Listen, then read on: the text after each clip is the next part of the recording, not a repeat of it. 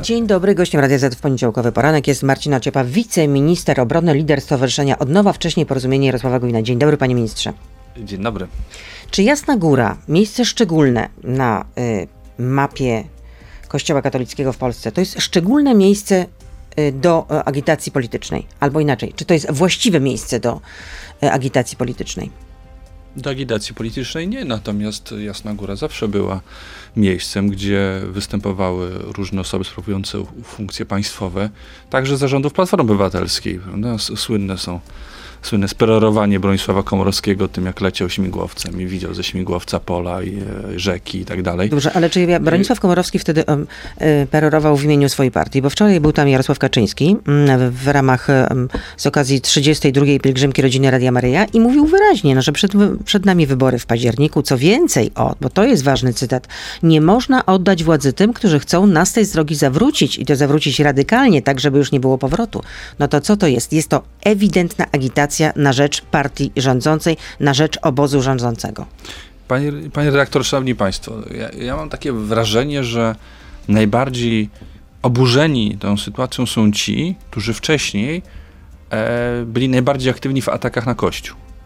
Znaczy ci, którzy dzisiaj odmawiają Kościołowi miejsca w przestrzeni publicznej, którzy popierali marsze proaborcyjne, które ja w wielu miejscach kończyły się, kończyły się miejscami... Publicznej. Ja pytam, co robił tam Jarosław Kaczyński i czy jest to agitacja polityczna, czy nie jest? No, no po prostu. Odpowiedziałem, tak jak wielu polityków na przestrzeni ostatnich dekad występował na, na, na, na Jasnej Górze, nie agitował politycznie, tylko to, no, tam ta, to jest szczególne miejsce w, w historii. I dla pana nie ma w tym nic zrocznego, rozumiem. Gdzie, Także gdzie... prezes partii rządzącej, wicepremier rządu y, jedzie na Jasną Górę i mówi wyraźnie, nie można oddać władzy. Ale pani, pani redaktor, przecież on nie przemawiał w kościele z ambony kościoła, tylko na pielgrzymce... No jeszcze by tego brakowało, żeby w kościele... A no właśnie, no a to roz... Ale uwaga, przemawiał stojąc na platformie służącej jako ołtarz polowy dla pielgrzymów ale, ale, ale, ale jednak, prawda? Jest, jest, jest polowy. Jasna Góra składa się z dwóch części, tak w dużym uproszczeniu.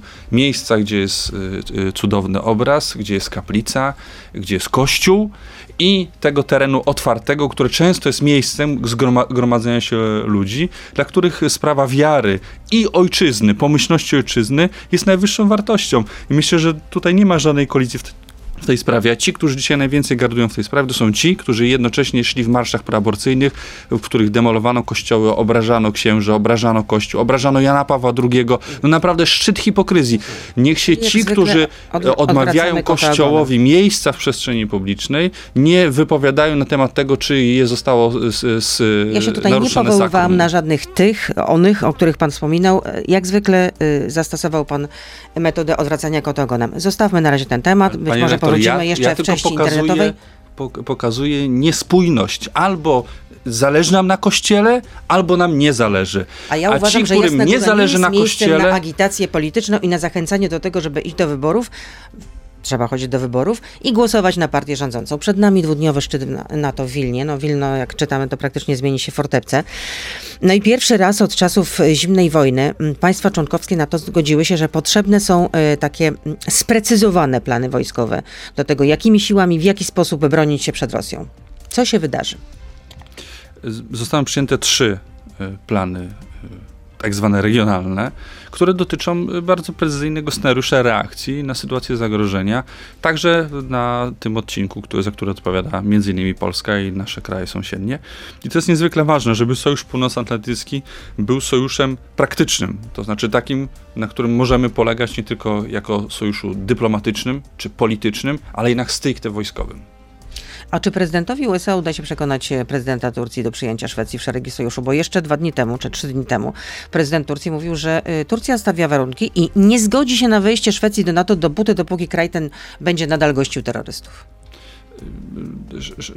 jest rzeczywiście prowadzona gra dyplomatyczna między Turcją a Stanem Zjednoczonymi w tej sprawie. Nic tutaj nie ma już Szwecja e, do czynienia, dlatego że Szwedzi wypełnili warunki, które im Turcy postawili.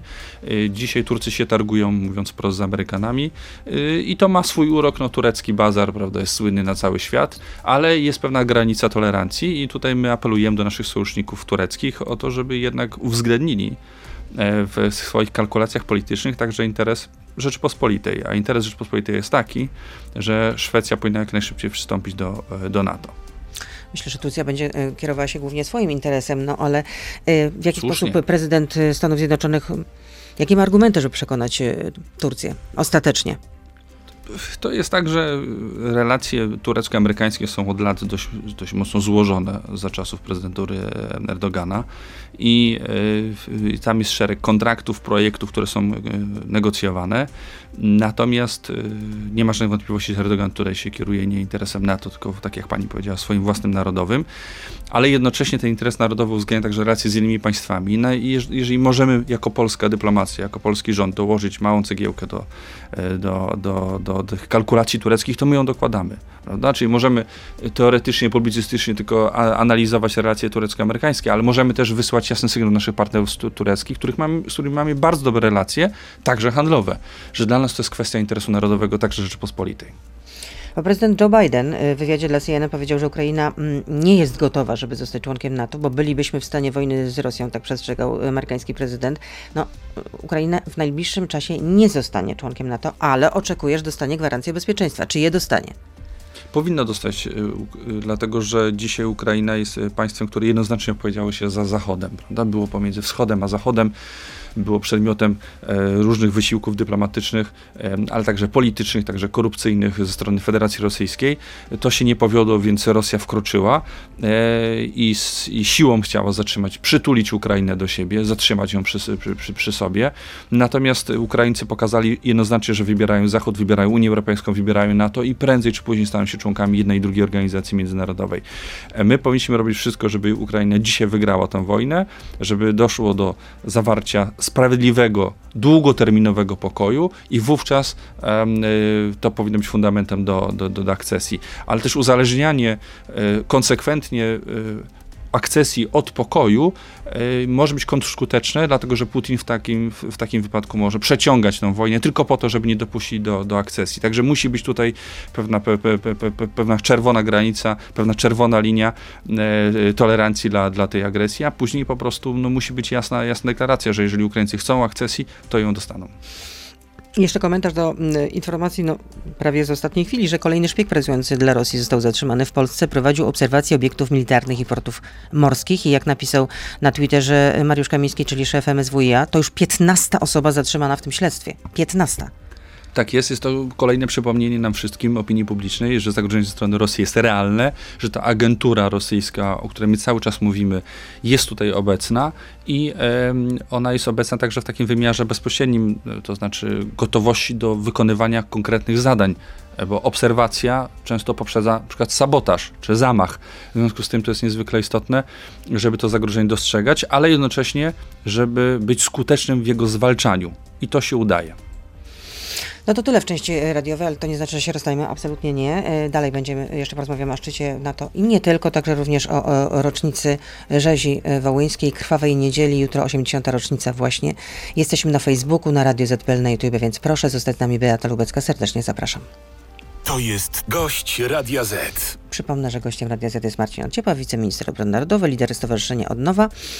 Wracam, powrócę jeszcze właśnie do Wilna, to to się wydarzy jutro, no, y, że mm, Podczas tego szczytu członkowie y, sojuszu mają się też zobowiązać do zwiększenia nakładów na y, y, uzbrojenie, na wojskowość, na armię. No my tutaj można powiedzieć, jesteśmy chyba przodownikiem na dobrą sprawę, bo w 2023 roku Polska wyda na obronność około 4% PKB.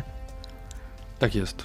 Łącznie, bo 3% to nakłady budżetowe plus 1% to jest mniej więcej e, kształt tego Funduszu Wsparcia Sił Zbrojnych. Rzeczywiście my tutaj świecimy przykładem. My zawsze wypełnialiśmy to zobowiązanie 2%, a teraz jesteśmy tymi, którzy są gotowi tę poprzeczkę podnieść znacznie wyżej. Dodajmy, że znaczna część państw sojuszu niestety nawet 2% nie osiąga. A do kogo pan pije? Do, do tych wszystkich, którzy je osiągają. No ale nie może pan wymienić po prostu, no poinformować słuchaczy. No nie wszyscy muszą tak na bieżąco śledzić informacje, kto w sojuszu wypełnia te y, zobowiązania, a kto jednak trochę się opiera, tak, tak to nazwijmy. Największym państwem, które nie realizuje tych zobowiązań są Niemcy. O. No i To no tak, ale no, gdybym wymienił Niemcy od razu, to by było, że to jest jakaś... Że co? Że jakaś, jakaś fobia, tak? Anty, anty, fobia anty, antyniemiecka, no ale... No, coś w tym jest, nie mówię, że akurat no, takie, takie są fakty, ale to, Nie że... państwo tak sugerujecie, no ja właśnie pokazuję w swojej wypowiedzi, nawet nie, nie wymieniłem tego państwa, no chciałem... Już z obawy, tak? Nie, dlatego, że nie chodzi przecież o to państwo, chodzi o pewne podejście do polityki międzynarodowej, chodzi o podejście do zobowiązań międzynarodowych i y, chodzi o zasadę. Natomiast jeśli pani pyta o przykłady, to oczywiście Niemcy są tutaj najbardziej ewidentnym przykładem tego, że mogliby wydawać więcej, a nie wydają. No, Natomiast rozumiem, oczywiście że... wydawanie pieniędzy, panie redaktor, to jest jakby połowa, połowa tematu, tak? No druga to jest no, pytanie, jaka to będzie armia.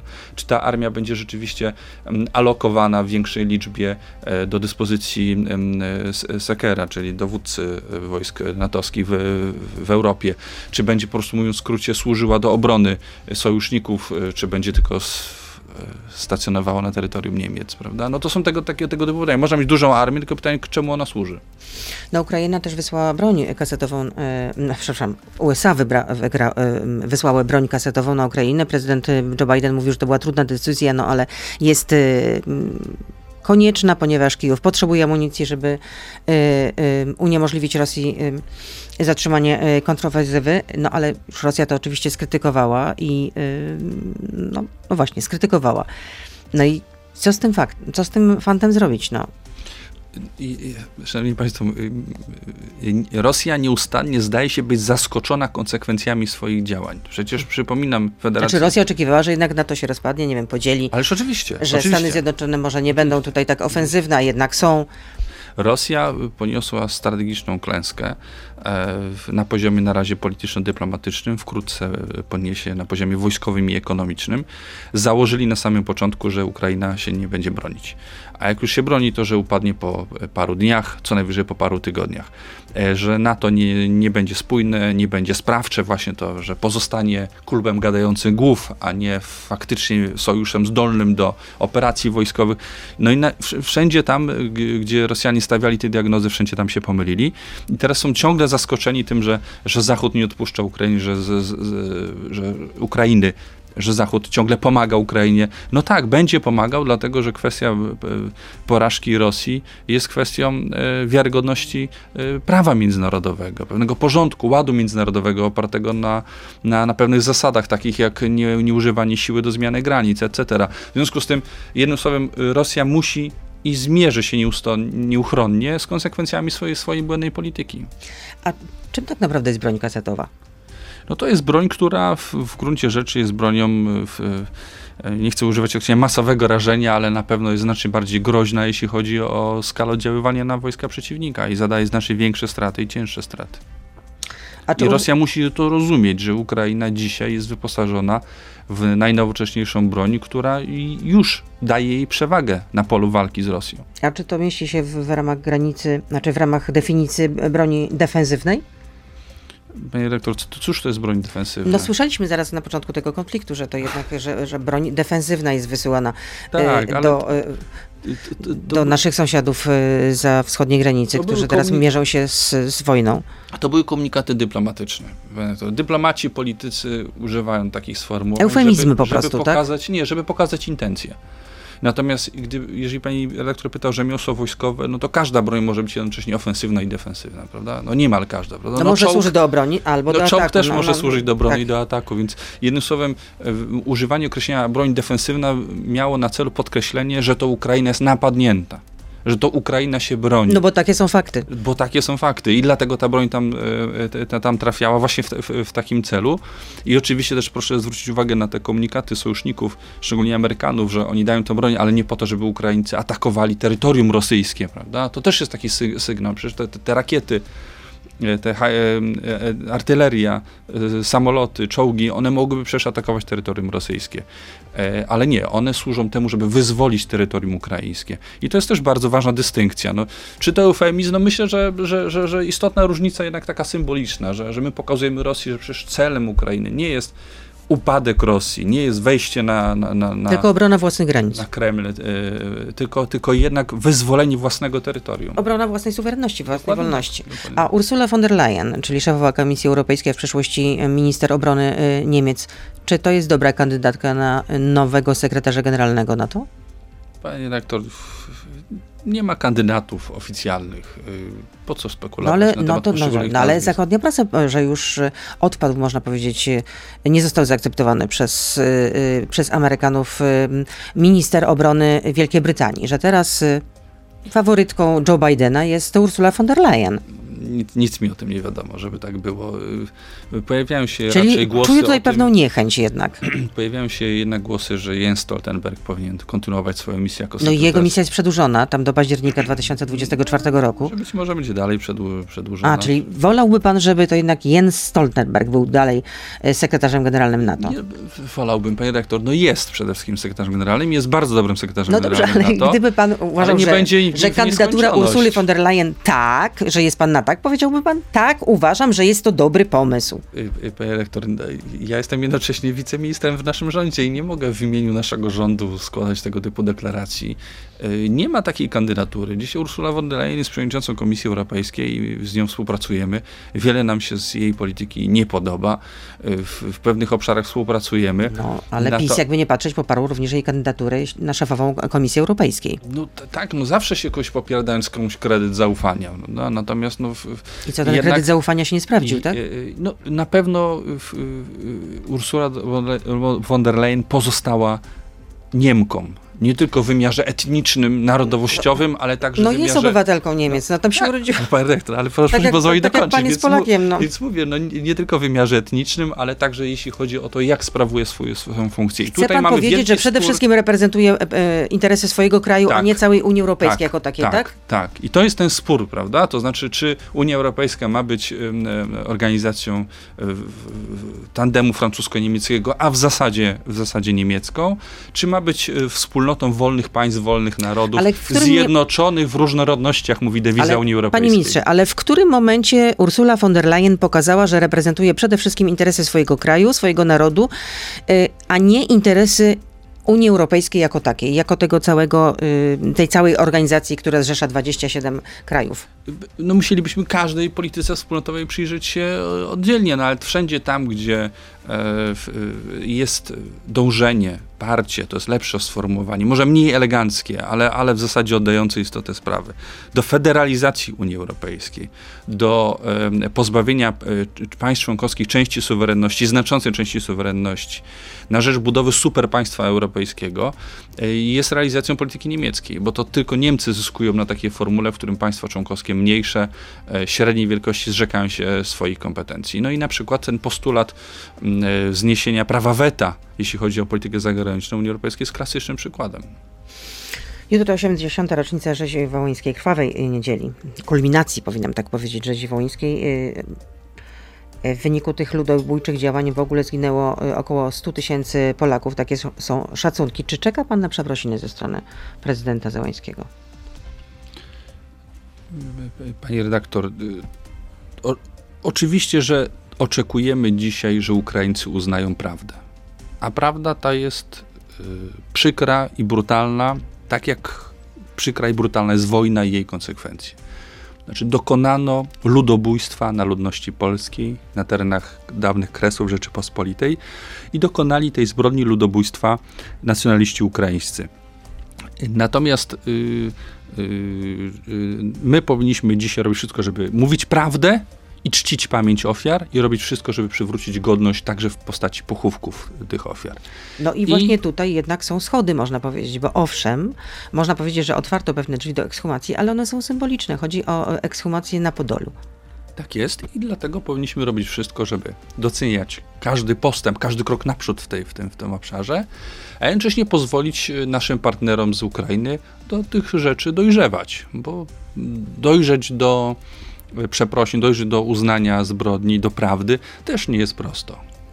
No na pewno nie jest to prosty, prosty proces, ale to, co się wczoraj wydarzyło, na przykład w Łódzku, że byli obydwaj prezydenci, prezydent Polski, prezydent Ukrainy, e, dali hołd e, ofiarom Wołynia i obydwaj napisali na Twitterze, na swoich profilach, razem oddajemy hołd wszystkim niewinnym ofiarom Wołynia. Pamięć nas łączy, razem jesteśmy silniejsi.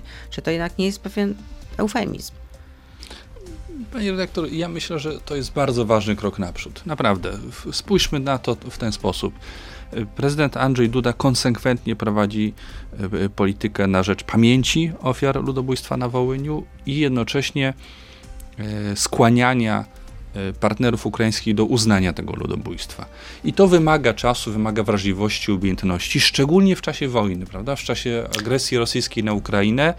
Gdzie Zgodzę się, że czas jest po prostu wyjątkowo, wyjątkowy, trudny. Ukraińcy mierzą się naprawdę z ogromnym wyzwaniem i jeszcze nie wiadomo, jak to się wszystko zakończy. No ale minęło 80 lat jednak. To przyzna pan, że to jest tak, potężny my... oddział czasu. Ale to nie, nie, nie miejmy kompleksów. No bądźmy państwem, który może mówić prawdę, które nazywa rzeczy po imieniu, które czci pamięć swoich ofiar, które je wysyła jasne komunikaty ale jednocześnie y, potrafi też zrozumieć i potrafi czekać. Prawda? To znaczy, y, my byśmy sobie pewne rzeczy życzyli, tylko też pamiętajmy, że po drugiej stronie są funkcjonariusze rosyjskich służb specjalnych, którzy teraz siedzą w internecie i próbują nieustannie podsycać antyukraińskie nastroje w Polsce, którzy grają tym tematem na wszystkie możliwe... No na pewno Rosjanom nie zależy na tym, żebyśmy e, Oczywiście. się pojednali tak już absolutnie i żebyśmy byli e, no, sojusznikami Więc ta narracja, na ta narracja antyukraińska jest, jest wszechobecna w, w, w sieci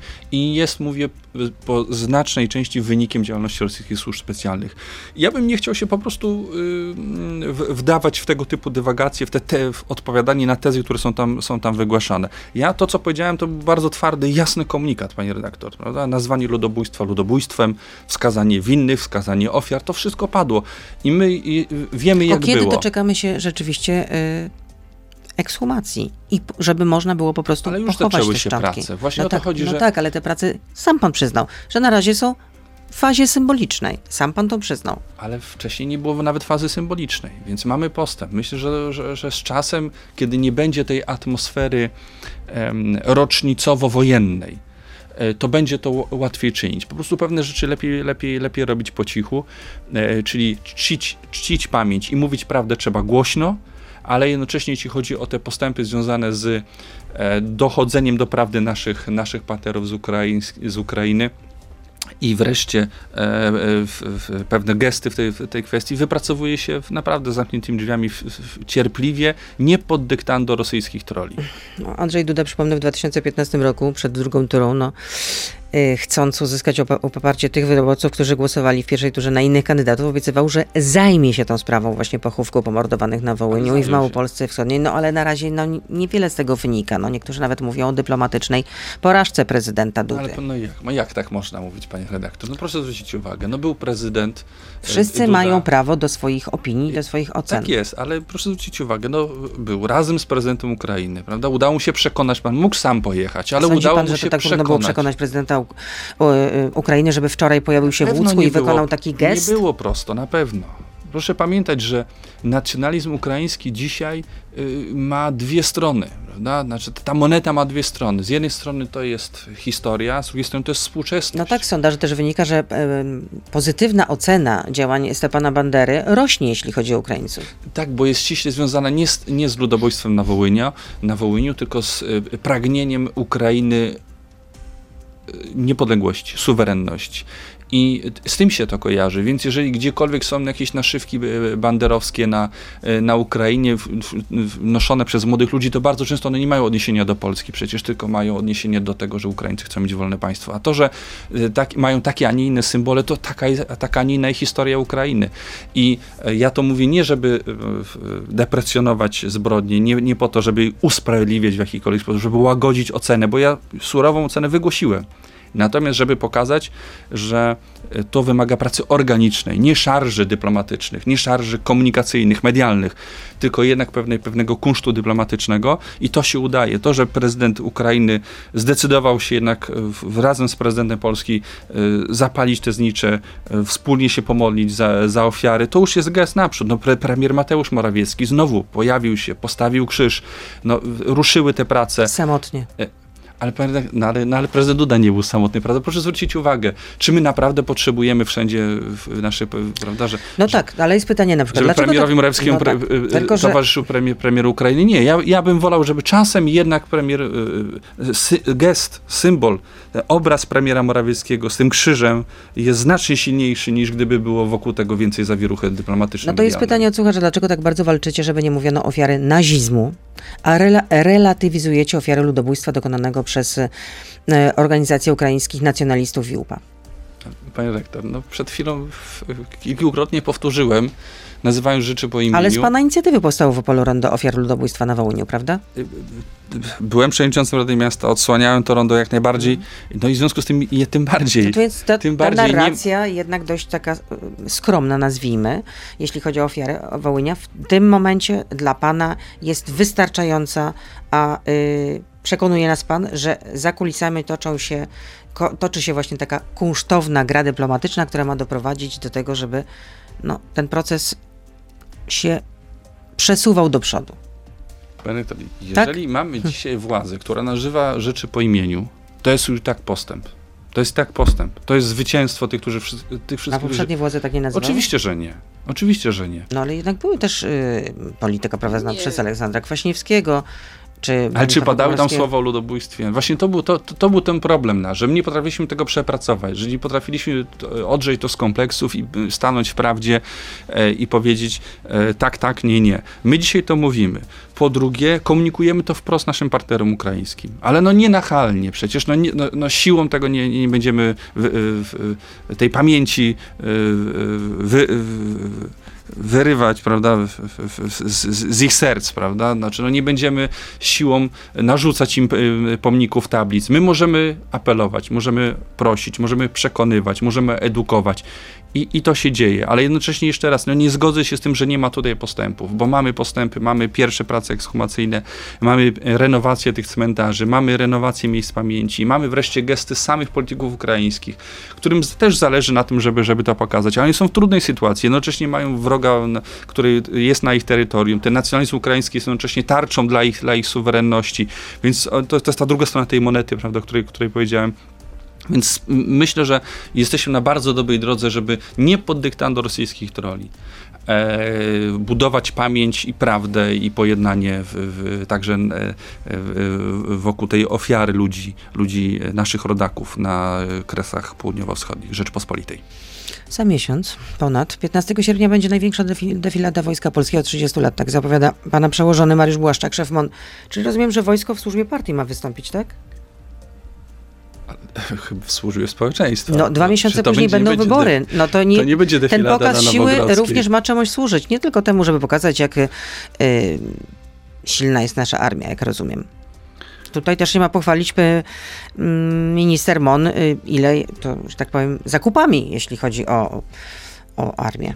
Bo będą czołgi Abrams, czołgi KAK-2, bo, bojowe wozy pochoty Borsuk, Hajmarsy, Patrioty, no no to czemu nie było tego zarządu Platformy? No, Ale to musi być... Czemu tego sprzętu nie było? Na dwa miesiące przed wyborami będzie Ale... największa od 30 lat defilada Wojska Polskiego. Panie redaktor, y, no bądźmy, bądźmy sprawiedliwi. Przecież defilady w Polsce na 15 sierpnia odbywają się od lat. Była tak, tylko ale teraz przerwa. będzie najważniejsza, największa od 30 lat i będą wybory, o których Jarosław Kaczyński mówi, że są najważniejsze po 89 roku. 1989. Ale silna armia i y, huczne obchody święta Wojska Polskiego z udziałem milionów Polaków są nie na rękę tylko i wyłącznie wrogom Polski. Wszyscy powinniśmy się cieszyć.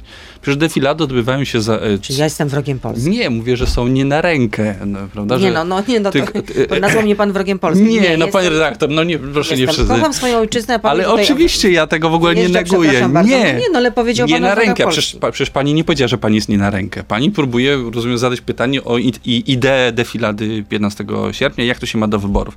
Ano tak się ma, że defilady odbywają się od lat, od lat. Była przerwa tylko na czas pandemii, i wtedy staraliśmy się robić mniejsze, mniejsze te obchody, ale zawsze dla nas to było niezwykle istotne.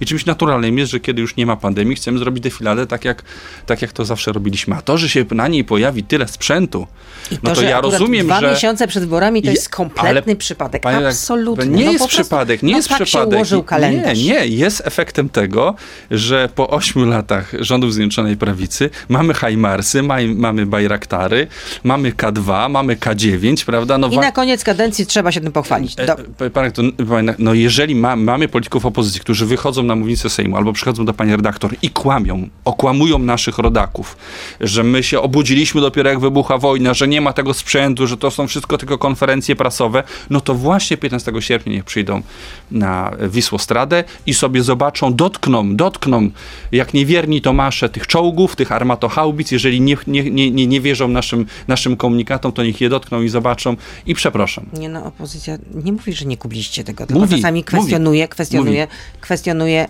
Byłem na że może nie te zakupy, że nie. może nie za takie pieniądze. Nie. Okłamują nas bezczelni politycy opozycji, panie redaktor. To jest, to jest nowa, nowa jakość w życiu publicznym, oczywiście antyjakość, że polityk jest gotowy wyjść na ulicę sejmową i wprost bezczelnie okłamywać naszy, naszych rodaków. W kampanii wyborczej... Na y- mównicy sejmowej w trakcie debaty o... W kampanii wyborczej to akurat premier Morawiecki był o wotum, y, skazany przez sądy za to, że panie, opowiadał panie, panie, rzeczy nieprawdziwe. na, jak była debata o, nad wotum zaufania dla ministra Błaszczaka, politycy opozycji wychodzili i mówili, że tych zakupów nie ma.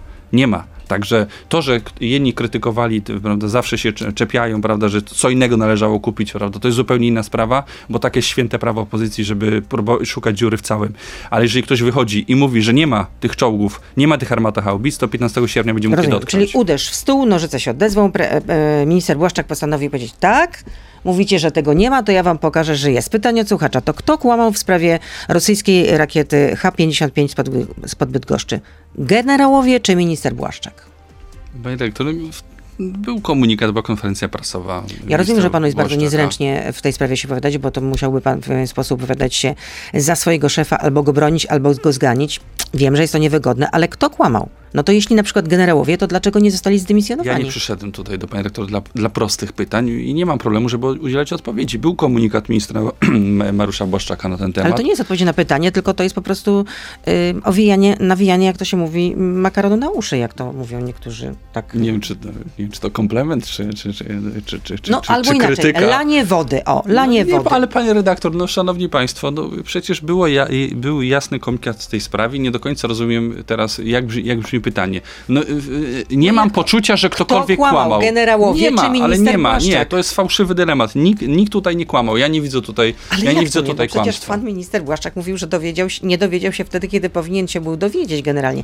A było też nagrane wystąpienie tak. Y, generała Piotrowskiego, z którego wynikało, że poinformował wtedy, kiedy powinien był poinformować, w stosownym nie, czasie. Nie, nie, panie proszę nie, proszę nie przeciwstawiać jednego i drugiego wystąpienia.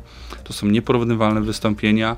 Y, Rzeczywiście nieporównywalne, ponieważ pan minister Błaszczak wyszedł z raportem, miał konferencję prasową, czy też briefing, a generał trochę wyszedł przed szereg, nagrał, jak rozumiem, w swojej własnej obronie, swoje wystąpienie. To była jednak rzecz bez precedensu. Tak, ale jeszcze raz, no, to, nie było, nie, nie, to nie była sytuacja, w której jeden drugiemu zarzuca kłamstwo. Tylko raport wewnętrzny resortu obrony narodowej, który zaprezentował minister Błaszczak, wskazał na pewne nieprawidłowości. No, czy, czy, czy, powinien zostać poinformowany minister obrony narodowej? Powinien. Czy, pozo, czy, czy, został? Nie został. I teraz my musimy przepracować tę sytuację, prawda? Bez, bez szukania winny, niewinny. W psychologii trzeba przepracować. Ale oczywiście. To znaczy, no łatwo jest, y, łatwo jest y, rzucać oskarżenia, łatwo jest wydawać wyroki. Natomiast kiedy zajmuje się obronnością, bezpieczeństwem obywateli, należy zachować zimną krew ale należy też brać odpowiedzialność i ponosić, i ponosić za to odpowiedzialność. Jeśli coś po prostu nie działa tak, jak powinno, a tutaj, jak mówił generał Polko po tej sytuacji, na łamach mediów oblaliśmy ten egzamin, bo nie tylko nie zestrzeliliśmy rakiety, ale też udajemy, że nic się nie stało. E, panie redaktor, żaden system przeciwrakietowy na świecie nie jest idealny. E, w tym przypadku mamy dochodzenie prokuratury one nam ostatecznie pokaże, jak było.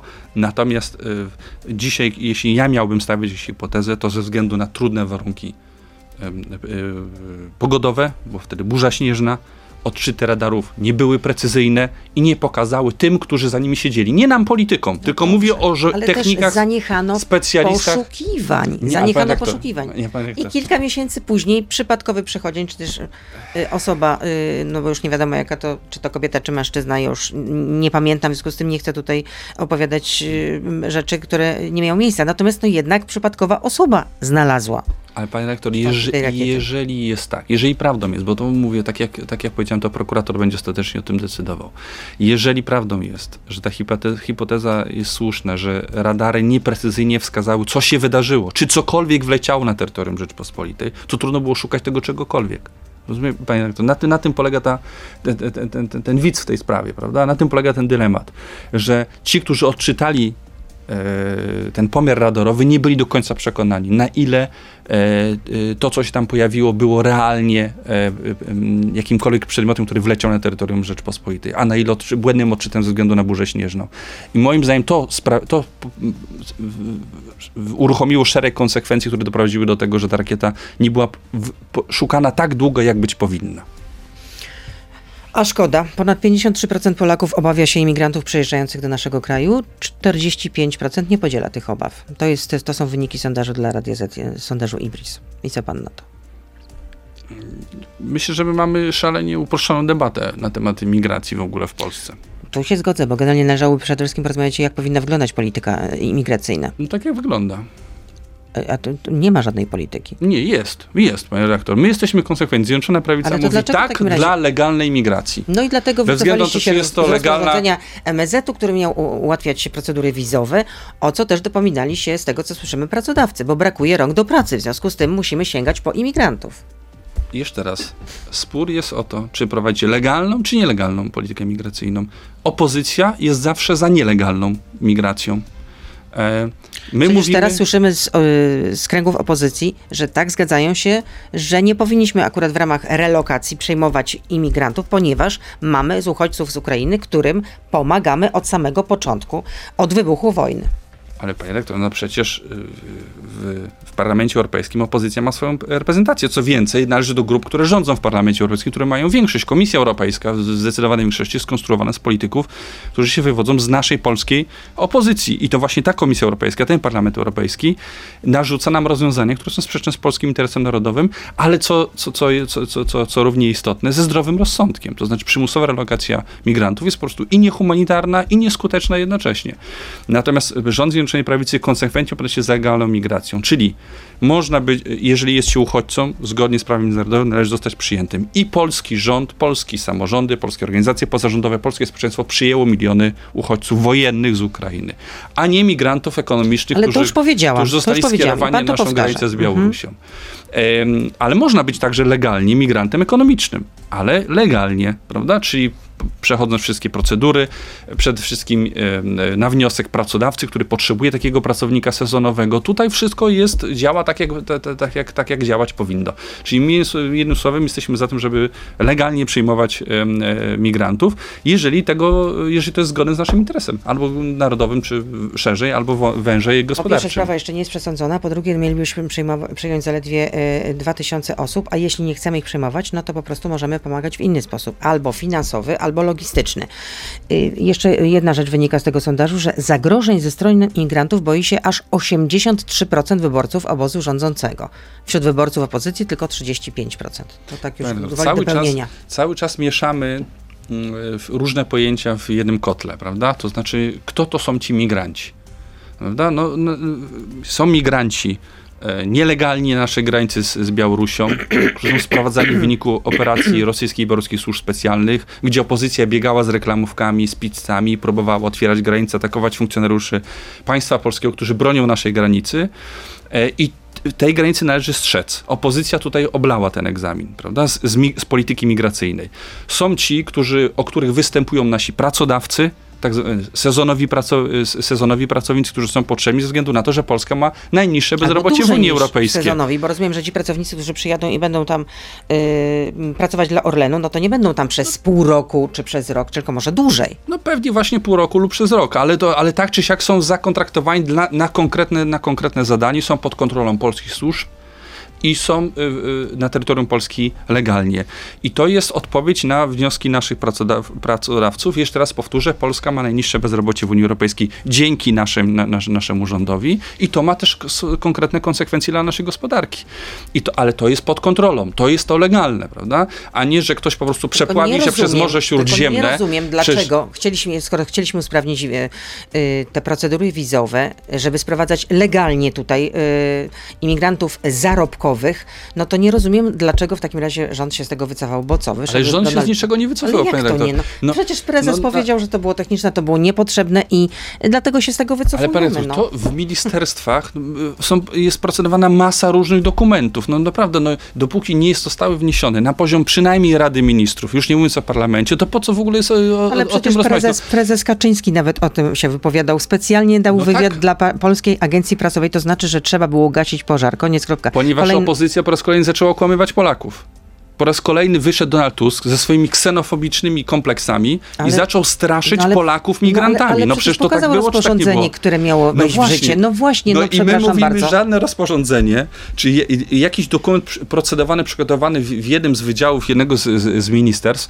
który ma charakter techniczny, nie jest decyzją polityczną o otwarciu granic na imigracji, jak sugerował to w swoim ksenofobicznym wystąpieniu Donald Tusk, tylko i, i, miał... A gdzie ono było ksenofobiczne? W którym miejscu? No w momencie, kiedy zaczął dokonywać dystynkcji na, na, narodowości, na religię, na wyznanie, no to jest ksenofobia, panie redaktor, to, to jest rasizm. O, on wymieniał rzeczywiście nazwy poszczególnych państw, a gdzie on tam mówił o religii? No jak to mówił? No, mówi, mówił o krajach islamskich, muzułmańskich, no panie redaktor, no wszędzie... Ale mówił o kolorach skóry też? No, no ale no, panie redaktor, no, no, no nie, no bo jak no, co miał jeszcze o no kolorach to... skóry powiedzieć? No, na jakie pielgrzymki wskazał... pan... Kolejne pytania słuchacza, bo jeszcze muszę zadać chociaż dwa. Proszę na jakie pielgrzymki pan się wybiera w czasie wakacji, żeby tam głosić partyjne słowo? Bo jest ich bez liku. to taka złośliwość, pan redaktor, no naprawdę. No. Ale czy takie zachowanie jest moralne? No to właśnie też o to, to pytali też słuchacze, nie to, że ja mam tutaj jakieś takie widzimy się. Dlaczego pan minister Błaszczak na siłę chce wcielać pracowników wojska do służby wojskowej?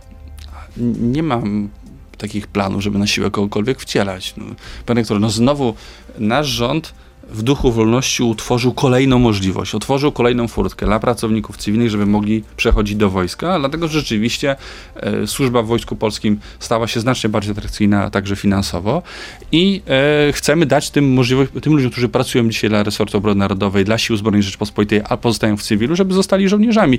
Nie jest to nic nadzwyczajnego. To jest Kiedy... opcja, nie nakaz. Kiedy MON zmieni tabelę płac dla pracowników wojska? No, I trwają rozmowy na ten temat. No i co z nich wyniknie, a kiedy się zakończą i czym? No ja myślę, że jeżeli trwają rozmowy, których celem jest zmiana, to zakończą się zmianą. Tylko pytanie jaką i kiedy. No, natomiast... Oby była to zmiana na lepsze.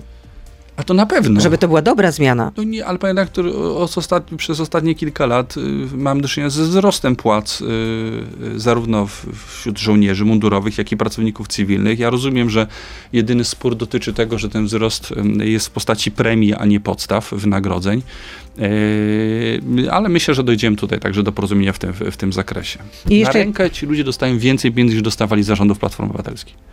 Zawsze się to sprowadza do Platformy Obywatelskiej. No bo w, to jest niesamowite. W wyborach, panie niesamowite. ale panie w wyborach chodzi o wybór, jak ta nazwa wskazuje. nie, no ja wiem, chodzi o to, żeby po prostu zniechęcić jak najbardziej do Platformy Na Obywatelskiej. Nie, panie rektor, nie rozmawialiśmy, rozmawialibyśmy o armii, y, y, gdyby rządziła Platforma Obywatelska, bo tej armii by już nie było.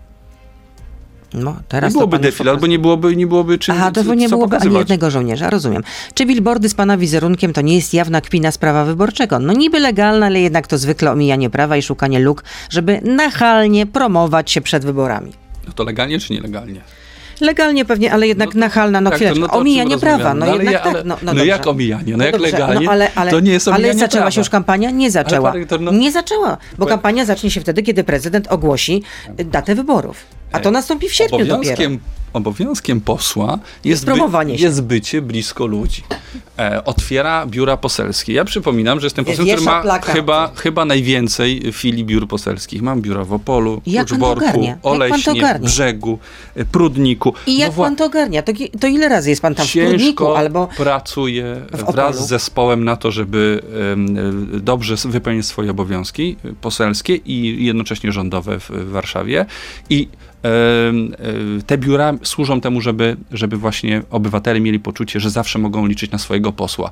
I to, że te biura trzeba reklamować, informować o ich adresach jest zupełnie naturalne. I ja serdecznie zapraszam na Opolszczyznę i na sąsiednie regiony. Wiszą, do Prudnika. wiszą billboardy czy banery posłów wszystkich opcji politycznych, wszystkich, wszystkich, także kolegów z Platformy Obywatelskiej. No, ja nie, nie, nie, liczę. Natomiast Ile pan wydał na to? Wszystkich, wszystkich polityków, yy, także, także z, ze strony Platformy Obywatelskiej.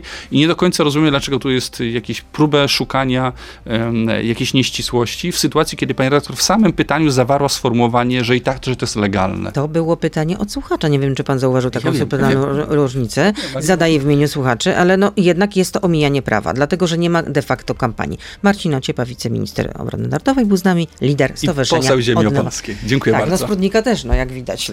Dziękujemy bardzo. To był gość Radia Z. Słuchaj codziennie w Radio Z i na player radioz.pl.